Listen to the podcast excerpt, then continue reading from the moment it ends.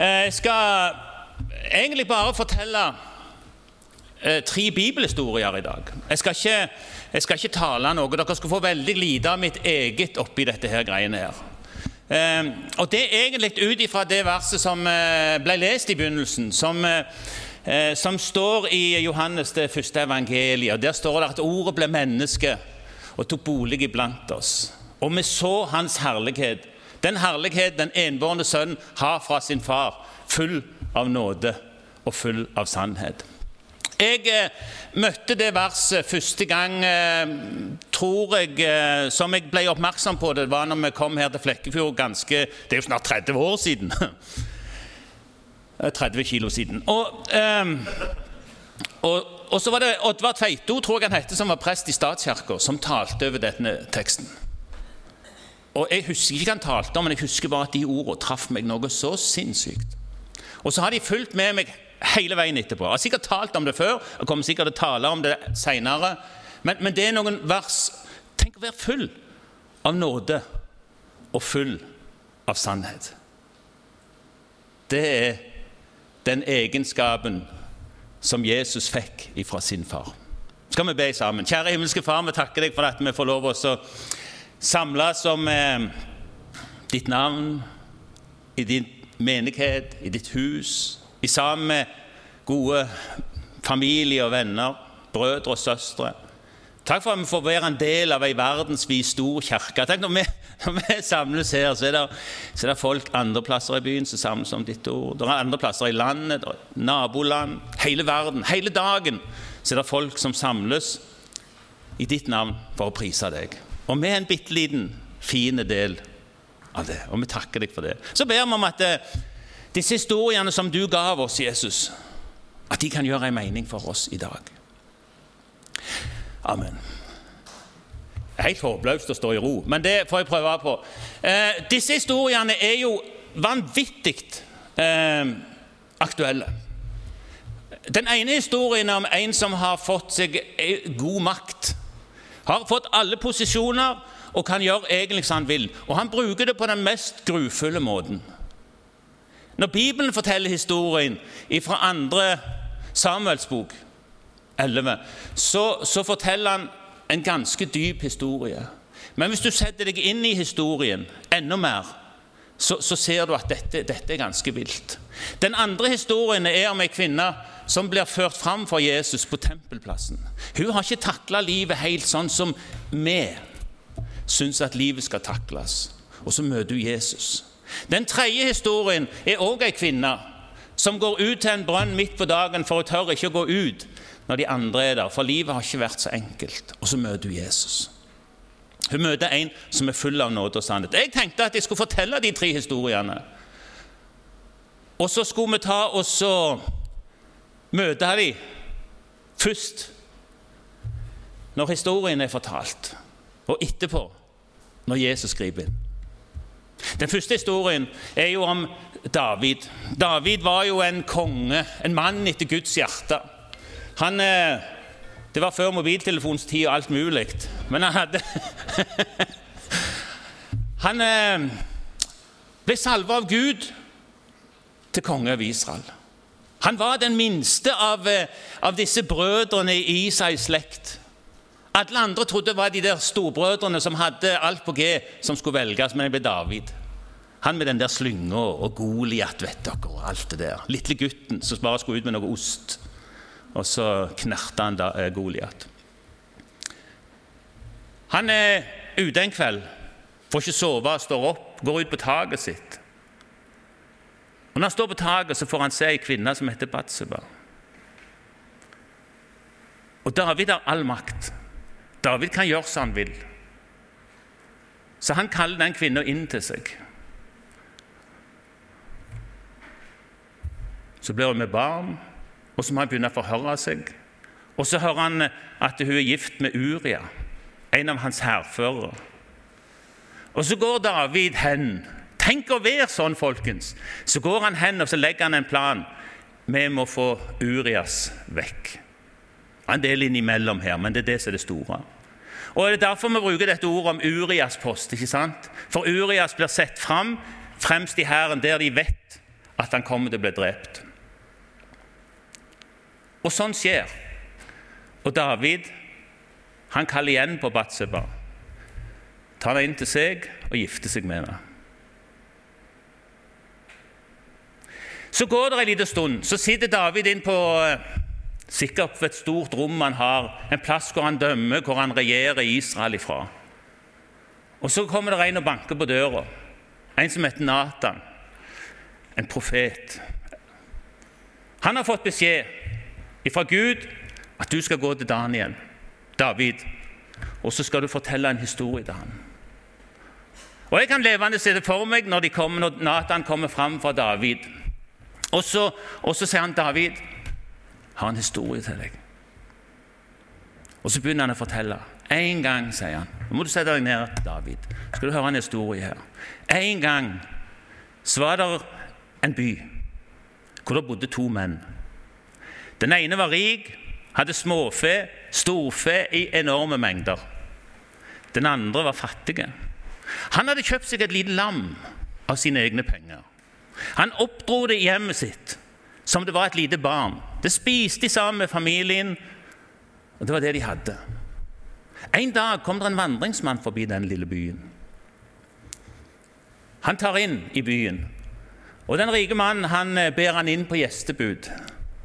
Men så tenker han med seg sjøl at eh, jeg vil ikke spandere noen av mine dyr. Jeg har utrolig mange av dem. Jeg kan ikke, kan ikke telle dem. Og Så går han, og så henter han det lille lammet til den fattige mannen. Og se for dere, for David er jo vant med å sitte og dømme folk, høre historier. Og så sier han, 'Du går fri, du er dømt'. Han er vant med det. Så Når Nathan kommer inn og forteller denne historien til han, så begynner David å gire seg opp.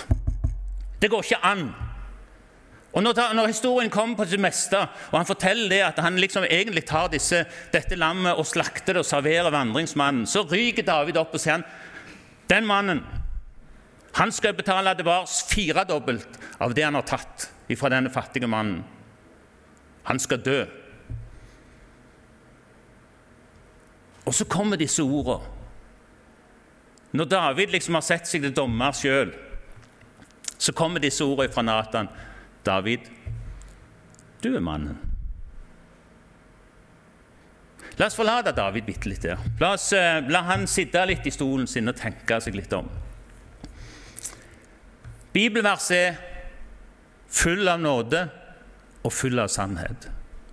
Den andre historien som jeg bringer på bane, en historie fra Det nye testamentet. Da må vi gå til Johannes eh, 8. kapittel.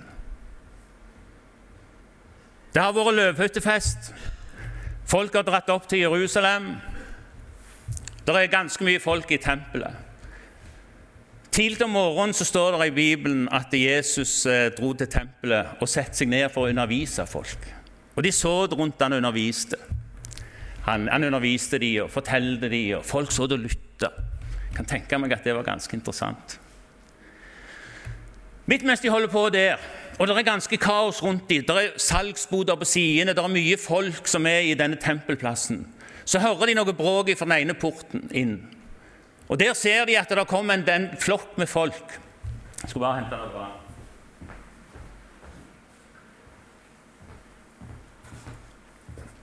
Og Der kommer det en flokk med folk, skyvende med ei kvinne foran seg. Og Det blir stilt rundt, og folk begynner å reise seg opp og så se inn mot midtgangen. Og De ser Jesus som sitter der og så, og så underviser andre. Og Så ser de at de har retning rett imot Jesus. Og De begynner nok sikkert å stimle litt til. Nå skjer det noe her. Nå er dette, dette, dette var litt spesielt, liksom. Og Det er fariseerne og de skriftlærde som har funnet ei dame som de har tatt i ekteskapsbrudd. Og de vet, og hun vet, at loven sier at sånne folk som blir tatt på fersken, de skal steines. Og Nå hadde Jesus provosert de så sinnssykt de siste dagene at nå tenkte de nå skal vi sette ham på prøve og se hva dette her er for noe. Så folk stimler til. De som har sittet rundt og hørt på Jesus, jeg er sikker på de reiser seg opp og går litt til sides, for nå kommer flokken. Nå kommer mobben med ei dame først. Og De kommer fram for Jesus, og så sier de sitt ærend. Vi har tatt henne på fersken. Etter loven så skal hun steines. Hva sier du?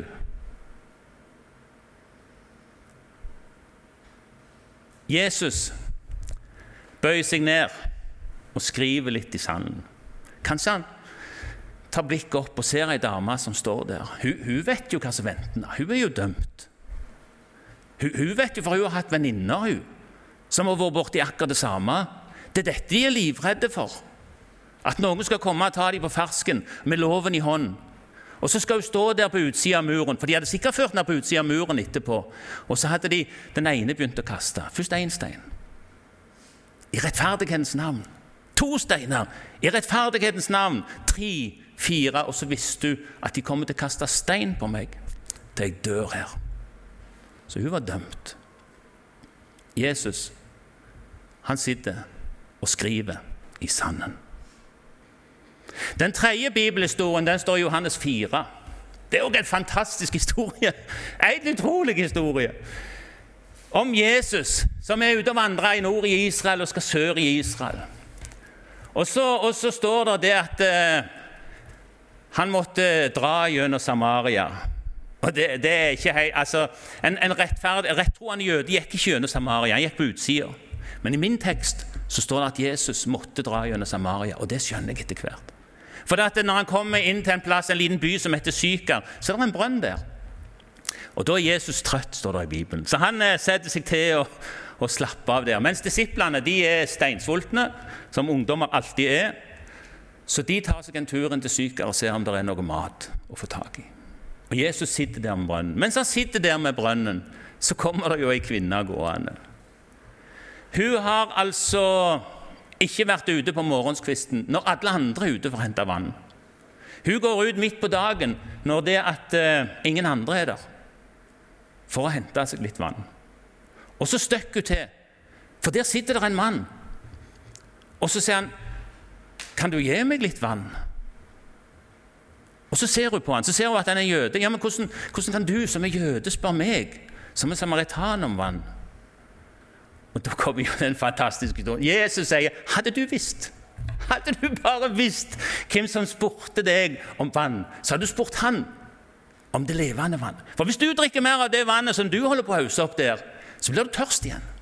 Hvis du drikker av det levende vann som jeg gjør, så skal du aldri mer tørste. Det skal bli ei kilde med livet ditt som skal velle fram resten av livet ditt. Det er meg du må spørre etter vann. Og så kommer historien. Og Hun, hun har bibelkunnskap og kjennskap til dette. og Hun sier at våre forfedre de har, de har tilbedt på denne plassen i alle år. Er, er, du en profet? Er du større enn Jakob som ga oss denne brønnen? Hvem er du?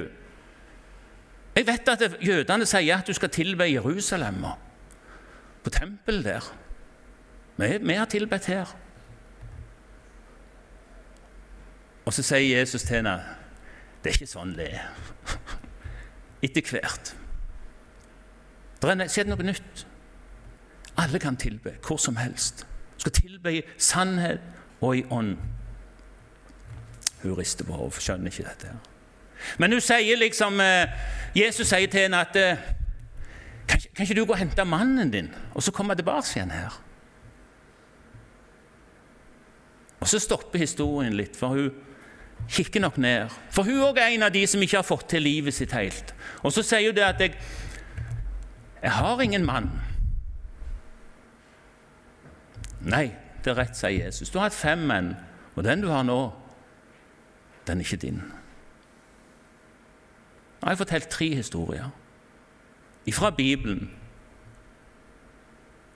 og så vet jeg det at Bibelen min den sier det. For et av de versene som jeg har lest mest i Bibelen min, det er den lille Bibelen, Johannes 3, 16. Men i Johannes 3, 17 så står det at Gud sendte ikke sin sønn til verden for å dømme verden, men for å frelse verden. Hadde vi forlatt disse tre personene i den stilling de var, så hadde det vært helt håpløst. For da er du dømt. Da er det en eiendom eller da er det steinene. Ellers hadde du gått inn til byen igjen, og så ingenting hadde blitt forandra. Men når Jesus kommer, som er full av, full av nåde, så blir det jo helt annerledes. Nathan sier til David David, du har alt. Du har fått alt. Du er salva til konge, du har fått et helt kongerike. Du har fått alt du peker på. Og så gjør du dette. Og Du kan selv gå inn og lese Salme 32 eller Salme 51 og se hvordan David selv sier at jeg holdt på å tæres vekk, jeg holdt på å forsvinne, jeg holdt på å bli ødelagte til jeg bekjente min synd. Og Så undrer jeg meg liksom litt på den lange historien, alt det fæle som David gjorde i sin makt, med sine muligheter. Og Så bryter han dem sammen og så sier han, jeg har synda mot Gud og mot mennesker. Så kommer Natan med dette budskapet til han. Du skal ikke dø. Du er tilgitt. Det står andre plasser i Bibelen at David var en mann etter Guds hjerte. Snodig. Full av nåde, folkens. Jeg trenger å si det sånn til meg sjøl. Han er full av nåde. Det er ikke en ting som ikke han kan tilgi. Denne kvinnen som står eh, foran Jesus, og som står og kikker ned på ham, for han holder på å skrive i sanden. Hun er dømt. Dømt av folket rundt seg. Og De sitter bare og klorer i sanden og, og spenner litt. Hvordan i alle dager skal dette her bli? Nå har vi, nå har vi tatt han. Dette klarer han ikke å svare på. Jo, sannelig klarer han det. For Han reiser seg bare opp, og så sier han det. Kan ikke den som er uten synd, kaste den første steinen. Og så går de vekk, den ene etter den andre. De eldste først, sto der. Og Så blir det en stillhet over tempelplassen.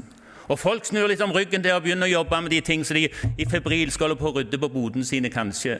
Og Jesus står igjen med denne kvinnen her. Og Hun er helt forundra, for Jesus han setter seg ned igjen og skriver litt i sanden.